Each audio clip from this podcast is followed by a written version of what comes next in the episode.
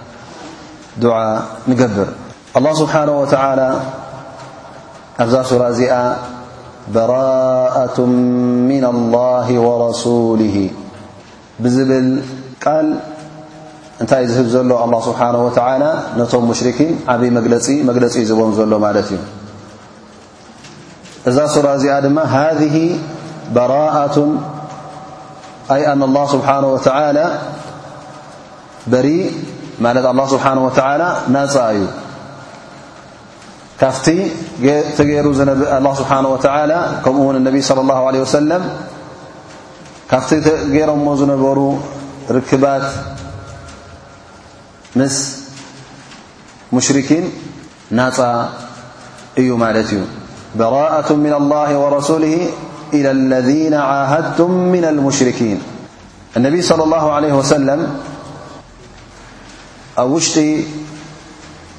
መሬት ጀዚራ ዓረብያ መሬት ዓረብ ማለት እዩ እቲ ህዝቢ ኩሉ ወይ መብዝሕቱ እንታይ እዩ ነይሩ ሙሽርኪን እዩ ነይሩ ማለት እዩ ብሓፈሽኡ ዝኣምነሉ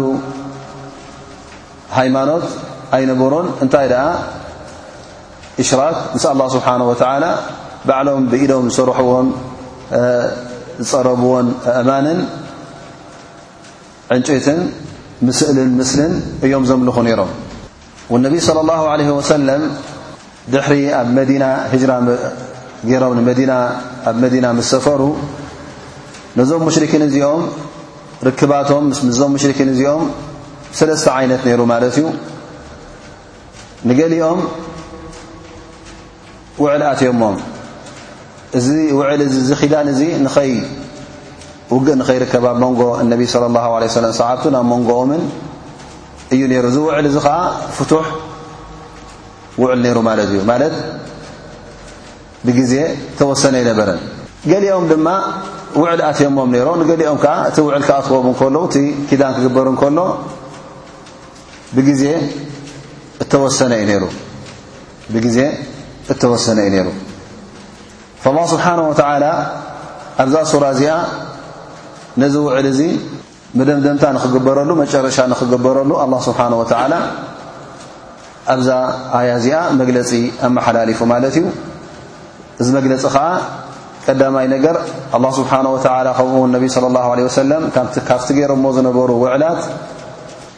ናጻ ከም ምዃኖም ድሕሪ ሕጂ ኣይሕተቱን እዮም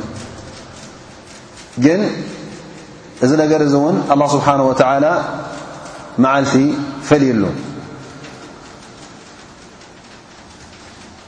እቶም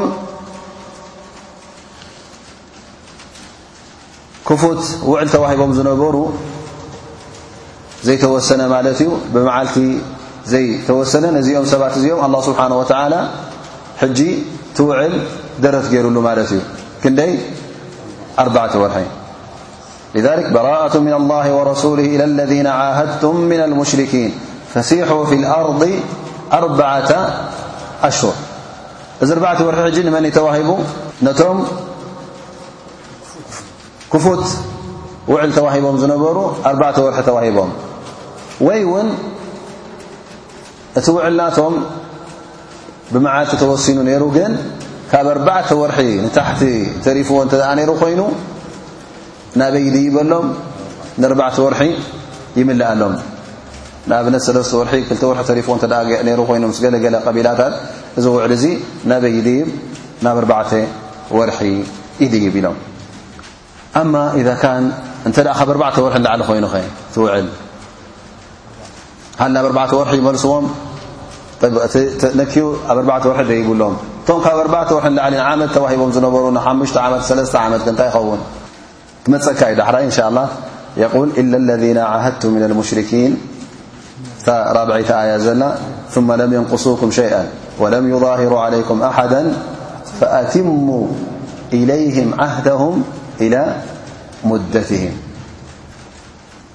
እቲ መዓልቲ ተወሲንዎም ዝነበረ ሕጂ እዞም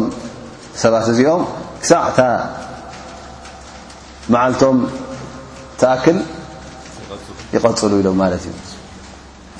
ሽፉ ኣላ ስብሓን ወተላ ነቲኦም ወሲኹሎም እቶም ዝያዳ ዘለዎም ግን ይነከዮም ኣይበለን ምኽንያቱ ሊኣና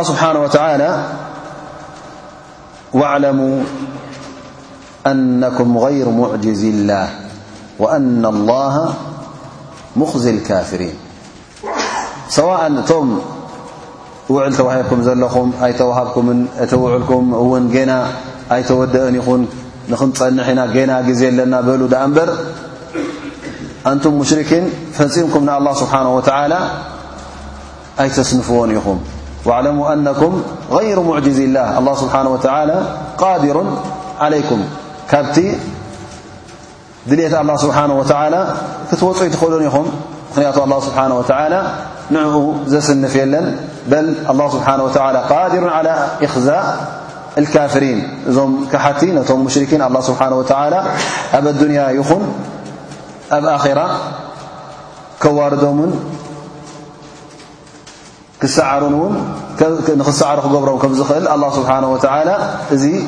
ይፈልጥዎ እዩ ንስኹም እውን ትፈልጥዎ ኢኹም ስለዚ እዚ ዕድል ተዋሂብኩም ኣለኹም ካብዚ ዕድል እዚ እውን ዳሕራይ ምናልባሽ ንሕና እዚ ዕድል ተዋሂብና ኣለና ኢልኩም ክትተኣኻኸቡ እተ ክትፍትኑ ኮንኩም ኣብዚ ኣዋርሒ እዚ ንነቢ ስለ ላ ሰለም ንምውቃዕ ወይ እውን ካልእ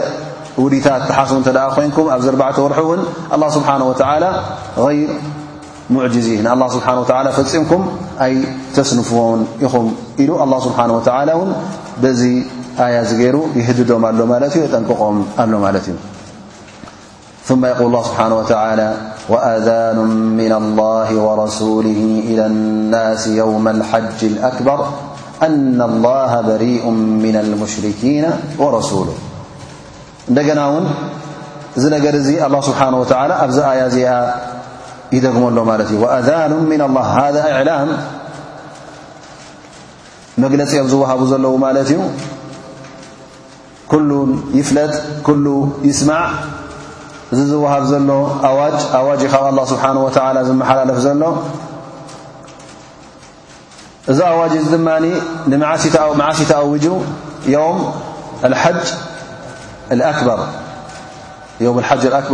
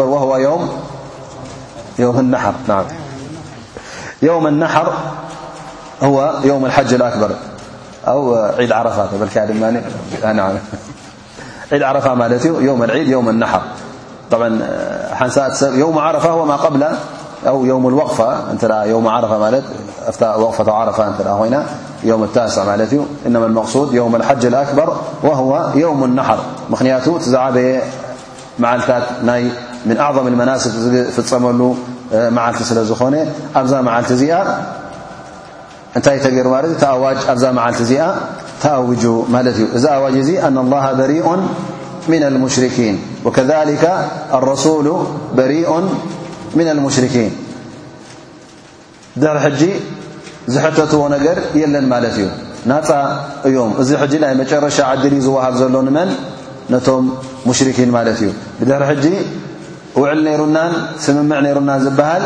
የለን ላ ስብሓን ወተላ በዚ ኣዋጅ እዚ ነቲ ዝነበረ ውዕላት በዚ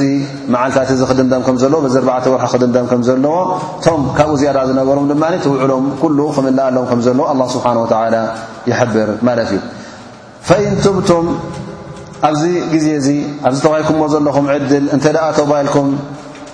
ካብቲ ዘለኹሞ መንገዲ ናብ መንገዲ ሓቂ እንተ ተመሊስኩም ካብቲ ትገብርዎ ኣለኹም ሽርካ ናብ ተውሒድ ኣላ ስብሓን ወተዓላ ናብ ሓደነት ኣላ ስብሓን ወተዓላ እንተ ተመሊስኩም ፈህወ ኸይሩን ለኩም እዚ ንዓኹም ዝበለጸን ዝሓሸን እዩ ኣብ ኣዱንያ ይኹን ኣብ ኣኼራ ኣብ ኩሉ ፍስሃን ደስታን ክትረኽቡሉ ኢኹም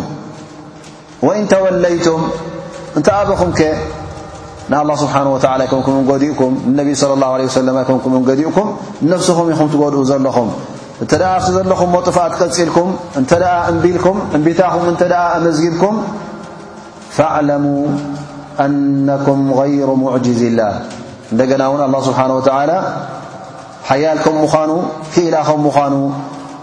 ይነግረኩም ኣሎ ፈጺምኩም እውን ካብ ኢድ ኣላ ስብሓን ወተዓላ ከተምልጡ ኣይትኽእሉን ኢኹም ፈጺምኩም እውን ካብ ውሳነ ኣላ ስብሓን ወተዓላ እውን ካብ ድልት ኣላ ስብሓን ወተዓላ እውን ከተምልጡ ኣይትኽእሉን ኢኹም ኣላ ስብሓን ወተዓላ ፍጡራት ስለ ዝኾንኩም እዚ ሙሉ ዓለም እውን ፍጡሩ ስለ ዝኾነ ንሱ ክንድላዩ ክገላብጦ ይኽእል እዩ ስለዚ ኣንቱም ባሮተይ ኣንቱም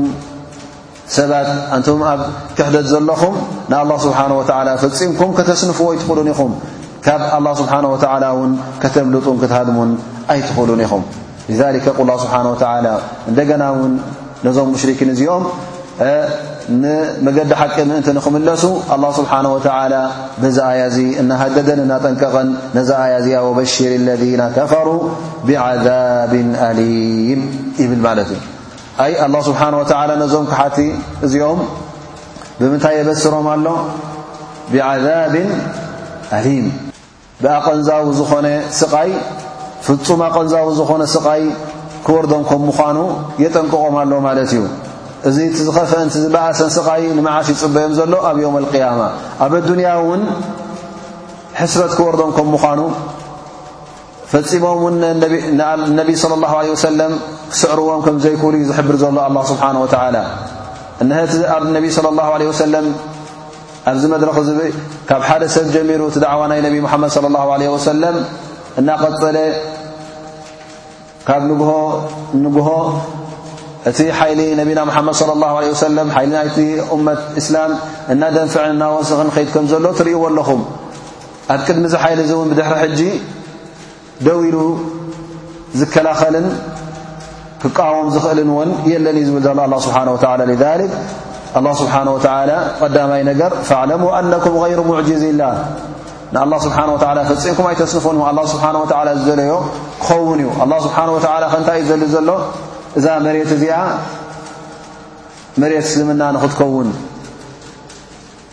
ዳዕዋ ናይ ነቢና ሙሓመድ صለ ላሁ ለ ወሰለም እውን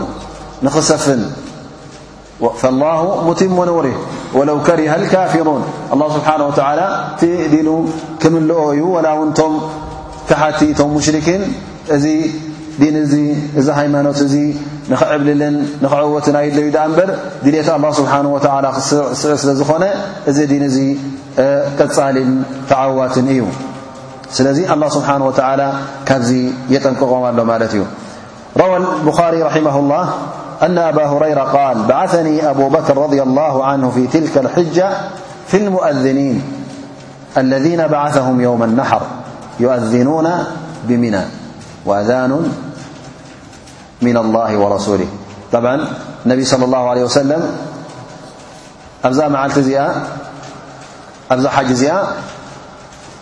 يوم الحج في العام التاسع تىش عمد أيحججون منيت النبي صلى الله عليه وسلم م مشركين يحجج نرم ت ساعتت ج لو ن እንታይ እዮም ዝገብሩ ነይሮም እቲ ናቶም ሓጅ ጠዋፍ ክገብሩ ከለዉ ገሊኦም ጥራይ ነፍሶም ኮይኖም ይሕጅጁ ነይሮም ማለት እዩ ስለዚ ሓጅ ክገብሩ ከለዉ እውን ንኣላ ስብሓን ወተላ ጥራይ ኣይኮኑን ዝክሩ ነይሮም ንመን ደኣ ንኣላ ኮይኑ ነቶም ኣስናም ናቶም እውን ይዝክሩ ስለ ዝነበሩ ስለዚ እነቢይ ስለ ላሁ ለ ወሰለም ኣብዚ ሓጅ እዙ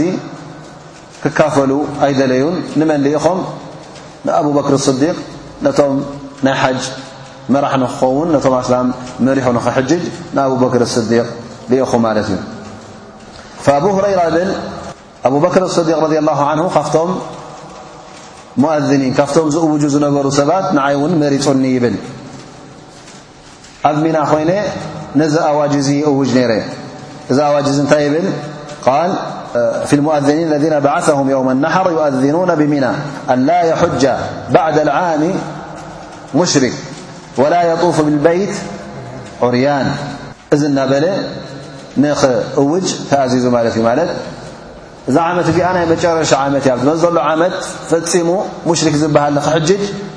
ኣይፍቀዶን እዩ ከምኡ ውን ብድሕሪ ሕጂ ኣብዚ ቤትላህ እዚ ጥራይ ነብስኻ ኮንካ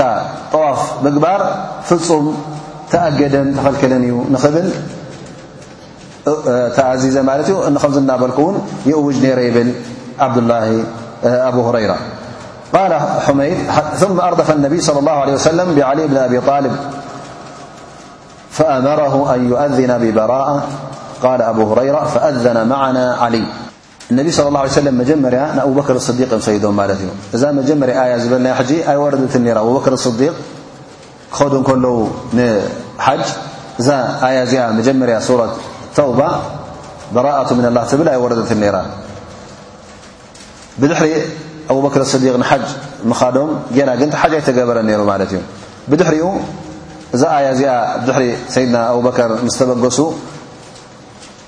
እዛ ኣያ እዚኣ ምስ ወረደት እነቢ صለ ላሁ ለ ወሰለም ንመን ልኢኾም በዘን ኣያታት እዚኦም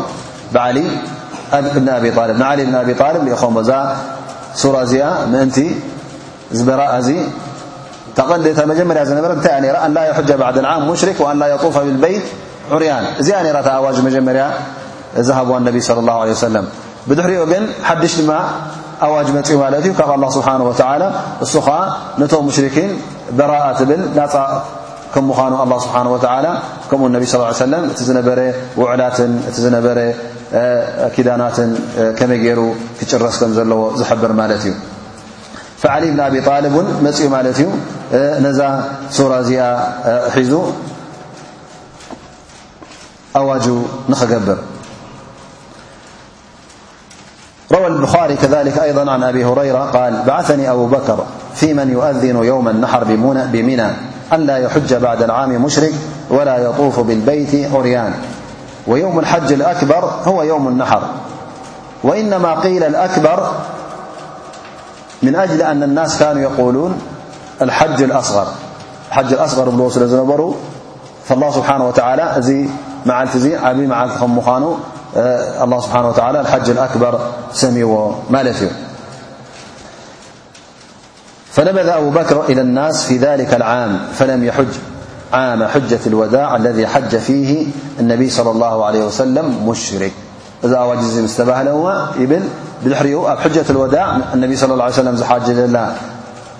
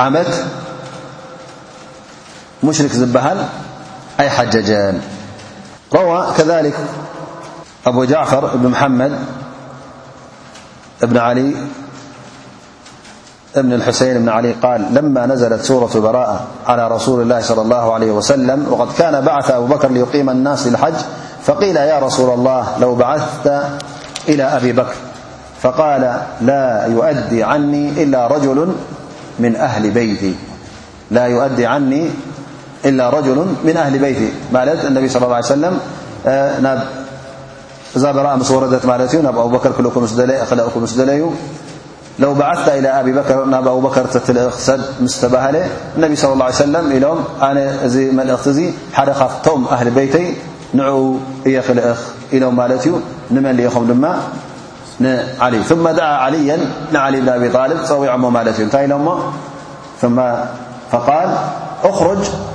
بهذه القصة من صدر براءة وأذن في الناس يوم النحر إذا اجتمعوا بمنى أنه لا يدخل الجنة كافر ولا يحج بعد العان مشرك ولا يطوف بالبيت عريان ومن كان له عند رسول الله صلى الله عليه وسلم عهد فهو إلى مدته إذن اذن أربعت زئ دمان حزمم تنكلتنايقدم نر موسختا دما قالولم أنه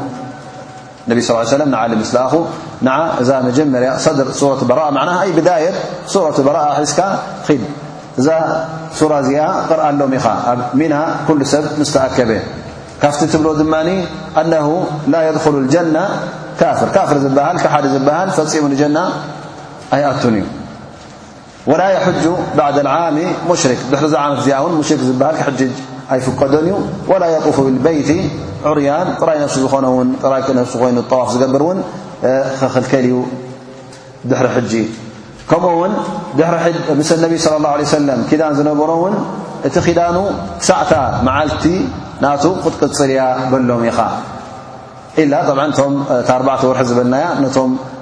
ፍኑ ተዋሂቦም ዝነበሩ ውዕል ማለት እዩ ኪዳን ወይ ከዓ ካብኡ ንታሕቲ ዝነበረ እንተ ኮይኑ ፈኸረጃ ዓሊ ረዲ ላ ዓን ዓሊ ረዲ ላ ዓን ወፅኡ ካብ ተላኢኹ ማለት እዩ እነቢ ስ ሰለም እውን እታ ናቶም ገመል ሂቦሞ ማለት እዩ እሳ ድማ ሓንቲ ካብተን ኣግማልናቶም ኣልዓግባ ትስመ ነይራ ኣብ መንገዲ ንመን ኣርኪቦ ንኣብበክር ስዲቅ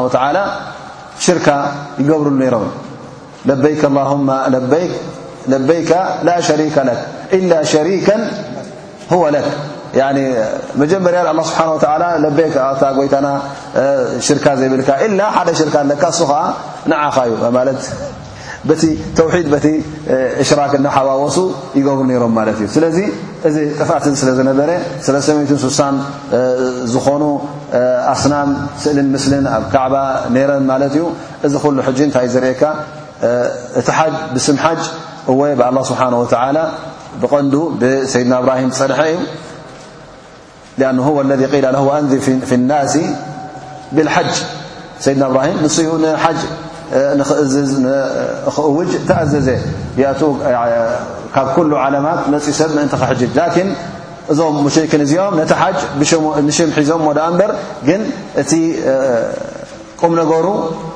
ኣይሓዝዎን ከምቲ ግቡእ እውን ኣይፈፀምዎን እንታይ ደኣ ኣብ ክንዲ ኣላ ስብሓን ወተዓላ ዘምልኹሉን ዝግዝኡሉን ንካልኦት ንስእልን ምስልን ክእዘዙን ከምልኹን ተረኺቦም ማለት ሽርካ ገይሮም ማለት እዩ ፈዓሊ ብን ኣብ ጣልብ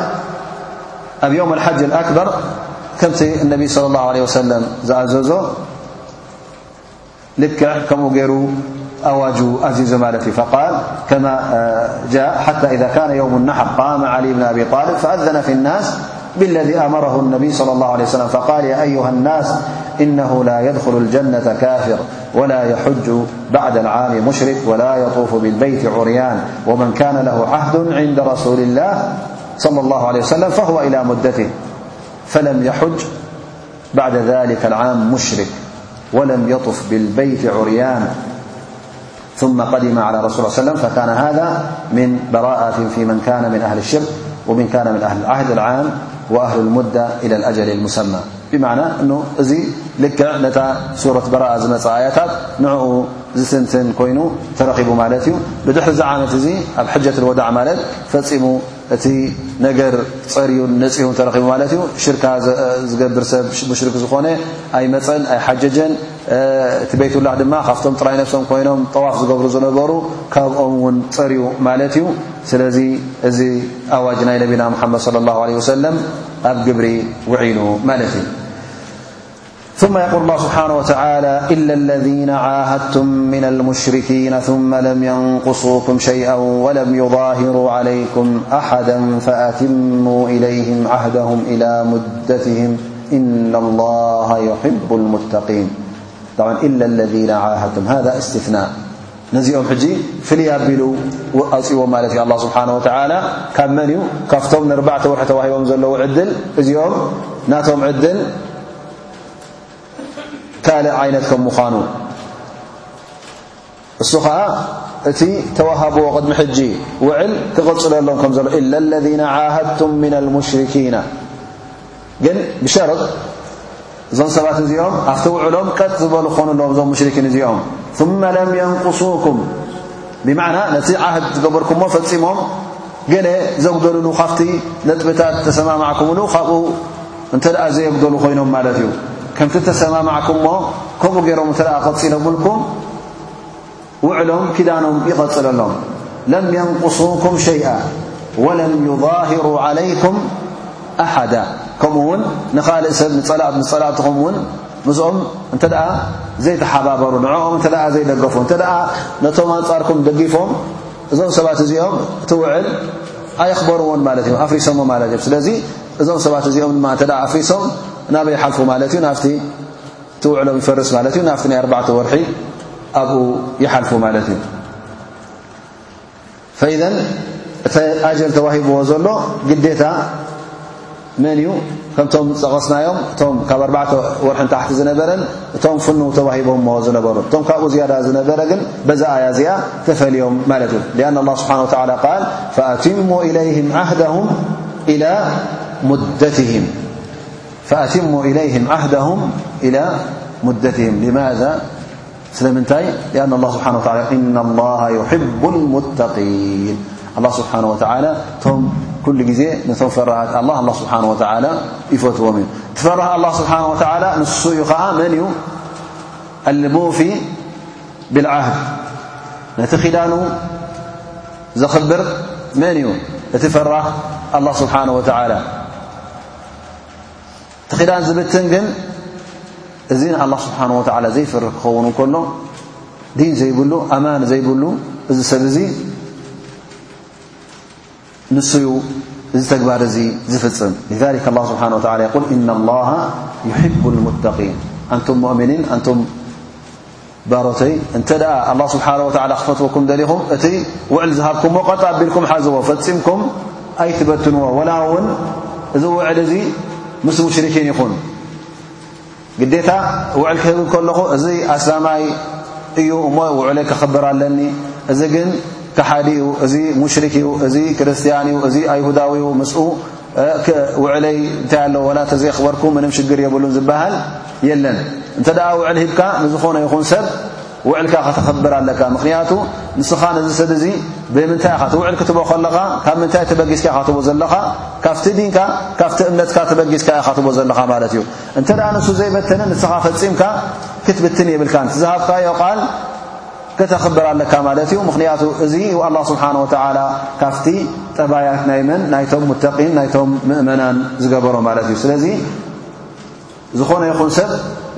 ዝኾነ ይኹን ሃይማኖት ይሃለዎ ድኣ እምበር እንተ ምስኡ ቃል ኣቲኻ ቃልካ ከተኽብር ኣለካ ማለት እዩ ውዕል እንተ ኣቲኻ ዝውዕልካ እዙ ከተኽብሮ ኣለካ ማለት እዩ ثم يقول الله سبحانه وتعالى فإذا انسلخ الأشهر الحرم فاقتنوا المشركين حيث وجدتموهم وخذوهم واحصروهم واقعدوا لهم كل مرصد فإن تابوا وأقاموا الصلاة وآتوا الزكاة فخلوا سبيلهم إن الله غفور رحيم ጠመን እዛ ኣያ እዚኣ ዕለማ እንታይ ሰምዮማ ኣየት ቃሉ ኣየት ሴፍ ሰምዮማ ማለት እዩ ምኽንያቱ ሕጂ እቲ ዝነበረ ውዕላት ድሕሪ ኣርባዕተ ወርሒ ኩሉ ተበቲኑ ማለት እዩ ብድሕሪ ሕጂ ውዕል የለን እንታይ ደኣ ወይ እዞም ሰባት እዚኦም ምስቲ ተዓዊቱ ዘሎ እስልምና ምስኡ ክጽንበሩ ኣለዎም እንተ ኣይንደልየልያ እውን ነዚ ኣብ መንጎኦምን ኣብ መንጎ እስልምናን ኩናት ከፊቶም ማለት እዩ ስለዚ ነዞም ሰባት እዚኦም ካብ ብሰላም ኣበዩ ብምንታይ ብሓይሊ ክቕጽዑ ኣለዎም ማለት እዩ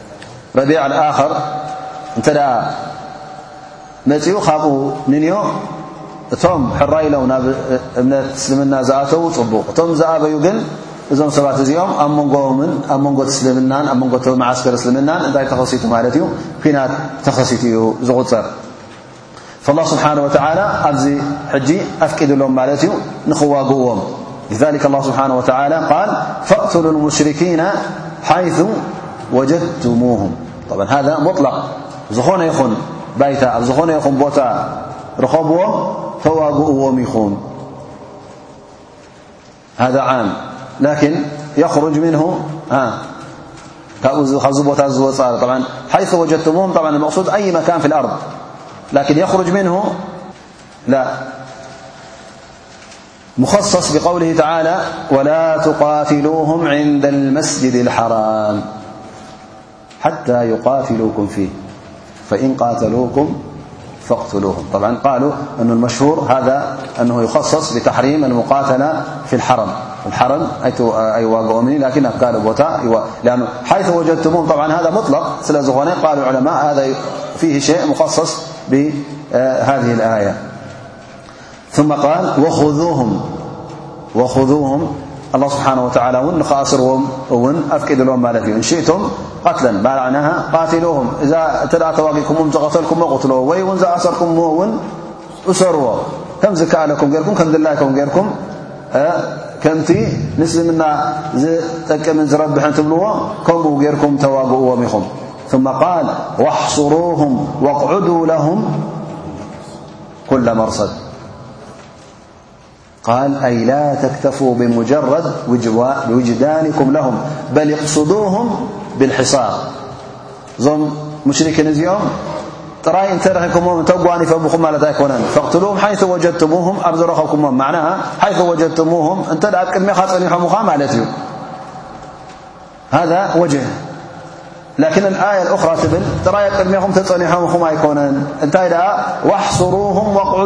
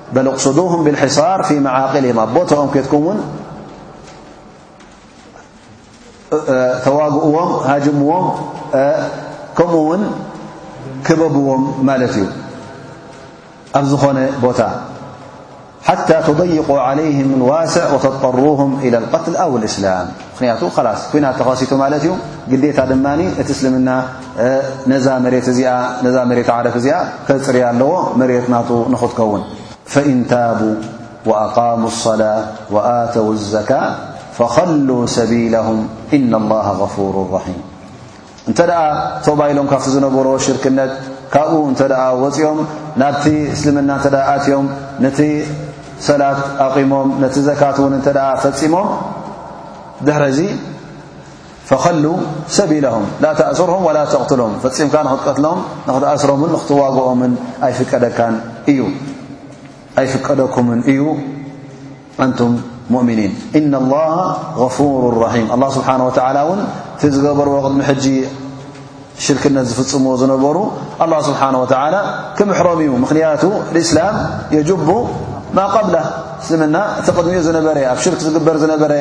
ገበናትን ጌጋግታትን ኣላ ስብሓን ወተዓላ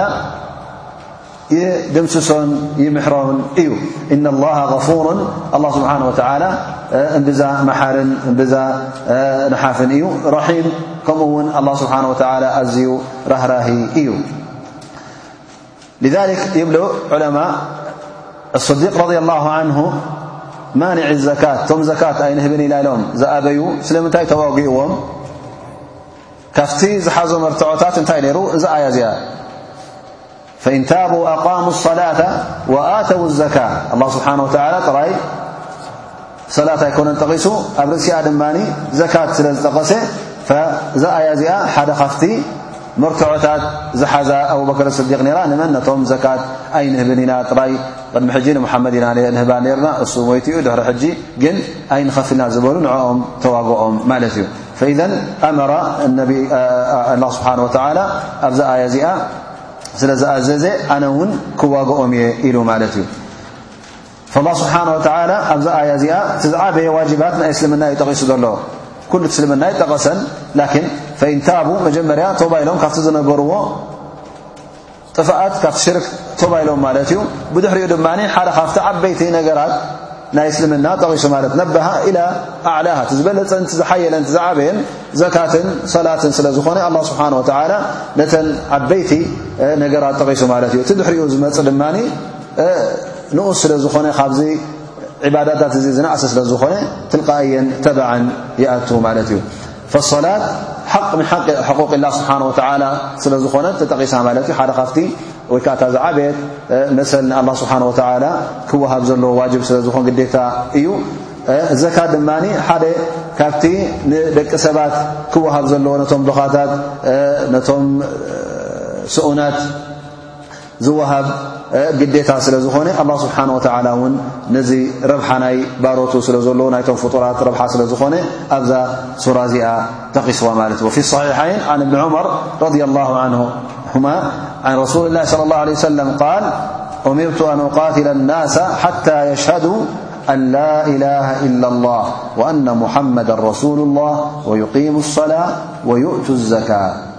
كل ت زكاة ت سلاة الله سبحانه وتعالى كل زي بحنس يتغسن مالتي ثم يقول الله سبحانه وتعالى وإن أحد من المشركين استجارك فأجره حتى يسمع كلام الله ثم أبلغه مأمنة ذلك بأنهم قوم لا يعلمون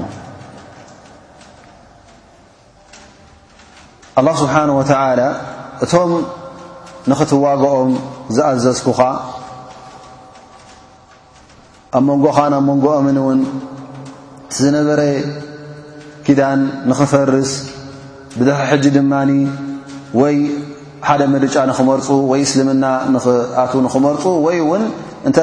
እስልምና ኣብዮም እውን ንክዋግኡኻ እተ መሪፆም ተዋግኣዮም ዝበልኩኻ እዞም ሰባት እዚኦም እንተ ገለ ካብኣቶም መፂኦም ናባኻ ክዕቆቡ ደልዮም ወላ እውን ኣብ እስልምና ከይኣተዉ ከለዉ ክንዕቆብ ደሊና ኣዕቁበና ኢሎም እተ መፂኦምኻ ኣዕቁቦም ኢኻ እዩ ዝብል ዘሎ ስብሓ ወ ወኢን ኣሓዱ ምን ልሙሽርኪና ስተጃረካ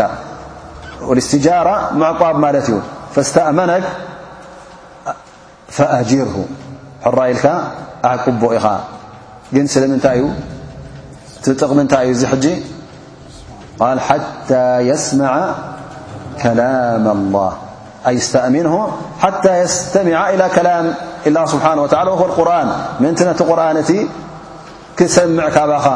እስልምና ውን ንኸተፍልጦ ምናልባሽ እዞም ሰባት እዚኦም ዝዋግኡኻ ዘለዉ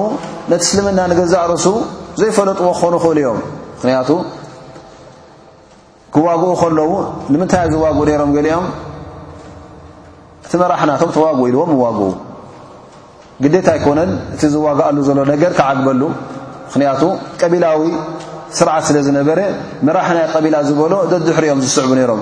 ተዋግኡ ተተባሂሎም ክዋግኡ ኣይተዋግኡ ተተባሂሎም እዋግኡ ይነበሩን ነቲ ሓቂ ግን እንተ ሰሚዖሞ ምናልባሽ ይምለሱ ይኾኑ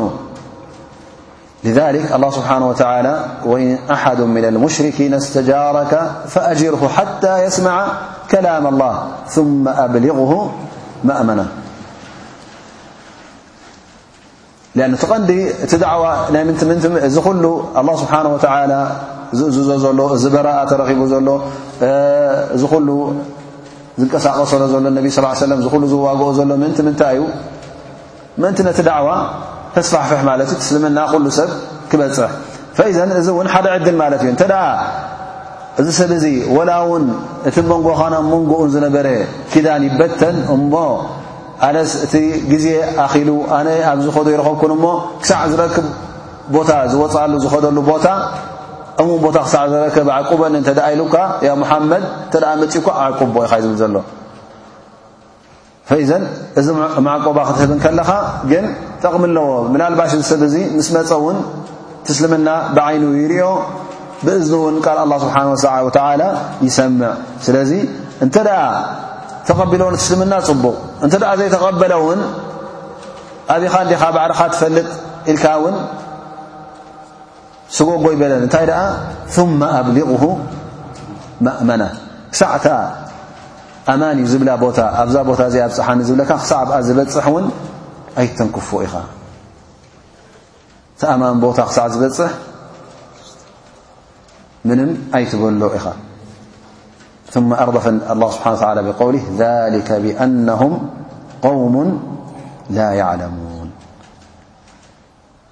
ያን ሙሽርኪን ክዋግኡኻ ከለዉ ድንቁርና እዩ ደኣ እምበር እቲ ቁሩብ ፍልጠት ነይርዎም እንተዝኸውን ቀደም ነቲ ዲን እቲ ምተቐበልዎ ምኽንያቱ እዚ ዲን እዚ እዚ እስልምና እዚ ንረብሐኦም እዩ ኣብ ኣዱንያን ኣብ ኣኼራን ዝረብሑሉ እዩ ህዝቢ ዓረብ እንተ ደኣ ርእናዮም ቅድሚ እስልምናን ድሕሪ እስልምናን ኣብ ናይ ኣዱንያ ሸነኽ እንተ ርእናዮ እንታይ እዮም ኮይኖም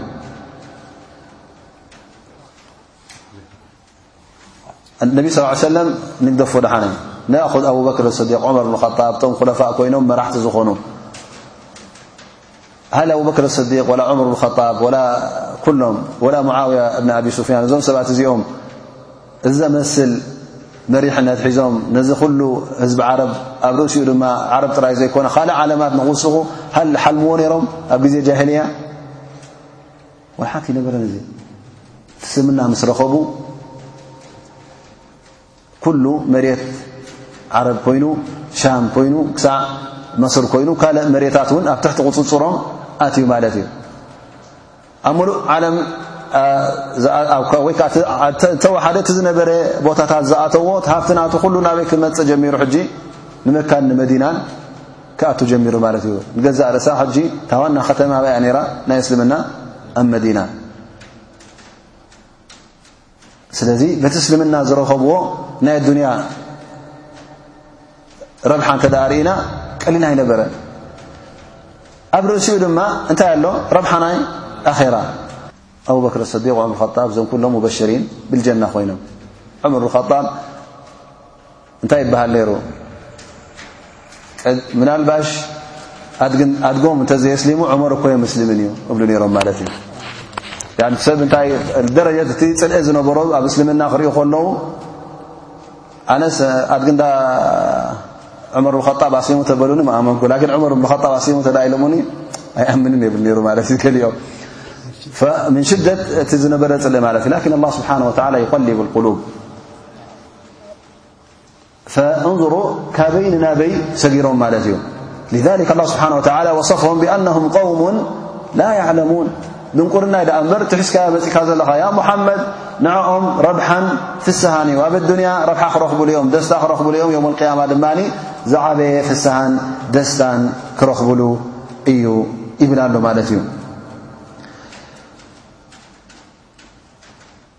روي عن مجاهد في تفسير هذه الآية ال إنسان يأتيك ليسمع ما تقول وما أنزل عليك فهو آمن حتى يأتيك فيسمع كلام الله وحتى يبلغ مأمنه حيث جاء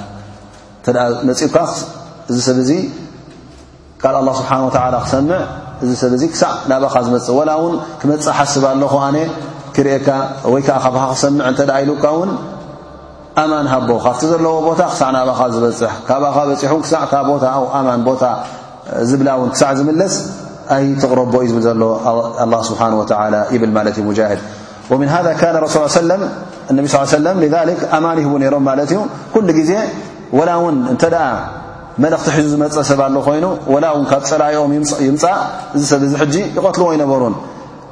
ኣብ ሑደይብያ እተ ርኢና ሑደይብያ ስሩሕ ክካየድ ከሎ እነቢ ስለ ላ ለ ሰለም መዓስከሮም በይኑ ሙሽርኪን መዓስከር ኣብ መንጎኦም ሕጂ ኩናት ክካየድ እዩ ተቓራሪቡ ነይሩ ግን መን መላለስ ነይሩ ብሰዓታት እዚ ካብ ቁረሽ ክተ ስለስተ ሰብ መፅኦም ሓደ መፅእ ዕርዋ ብን መስዑድ ምክረ ስሀይል ብን ዓምር እዚኦም እመፁ ነይሮም ማለት እዩ ሃል ነቢ ስ ሰለም ላስ ካብ መፃእኩም ኢሉ ክሳዶም ቆርፆም ነይሩ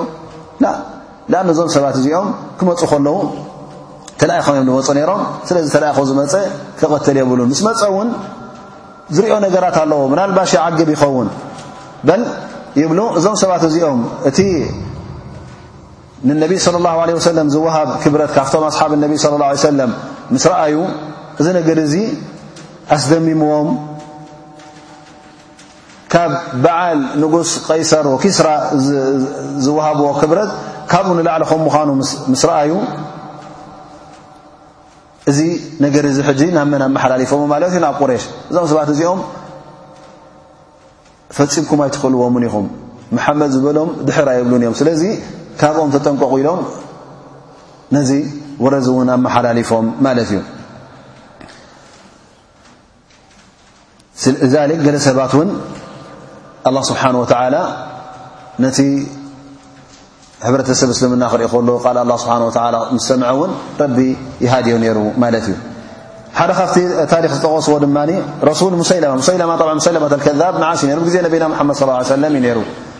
እዚ ሰብ እዚ ኣነ እንታይ ይብል ነይሩ ኣላ ስብሓን ወተላ ንዓይን መሓመድን ሽርካ ገይሩና ዩ ንክልቴና ረሱል ገይሩና ይብል ነይሩ ማለት እዩ ነዚ መልእኽቲ እዚ ሒዙ ሓደ ሰብ ልኢኹ ማለት እዩ እብኒ ነዋሓ ዝበሃል መፅኡ ናብ ነቢ ስ ሰለ ነቢ ስ ሰለም ኢሎሞ እሞስኻ ሕጂ ሙሰይለማ ረሱል ከም ምዃኑ ተኣምን ኢሎሞ ማለት እዩ ነዚ ነቲ ልኡኽ እዎ ኣምን ኢሉ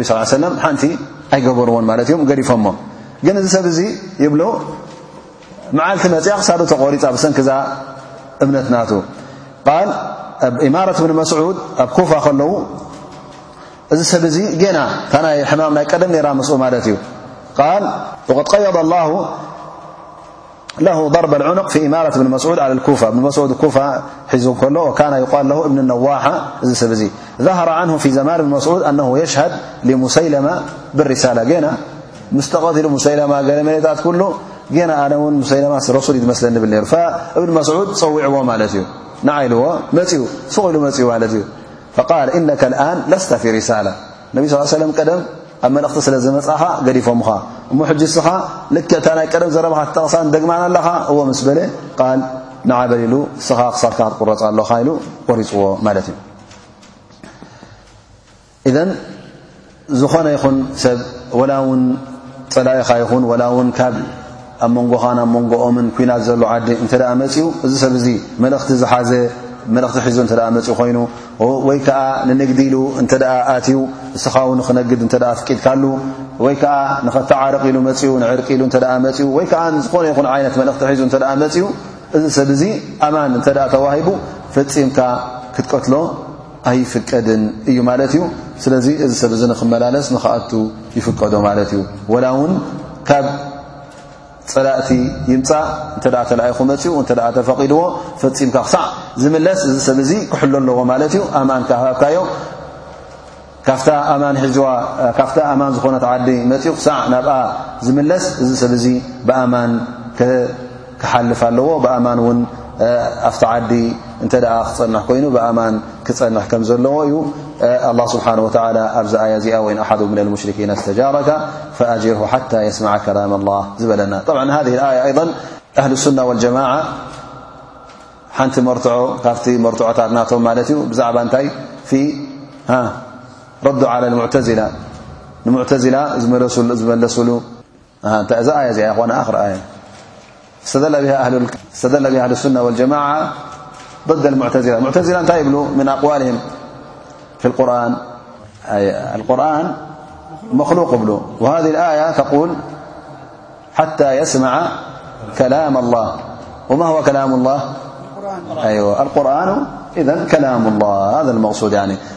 لقرآن كلام الله وليس مخلو فاستدل بها علماء أهل السنة والجماعة في الرد على المتة معتزلة قرآن مخلوق ل نعم ي ملسمم ت م مع درسنا بي مدم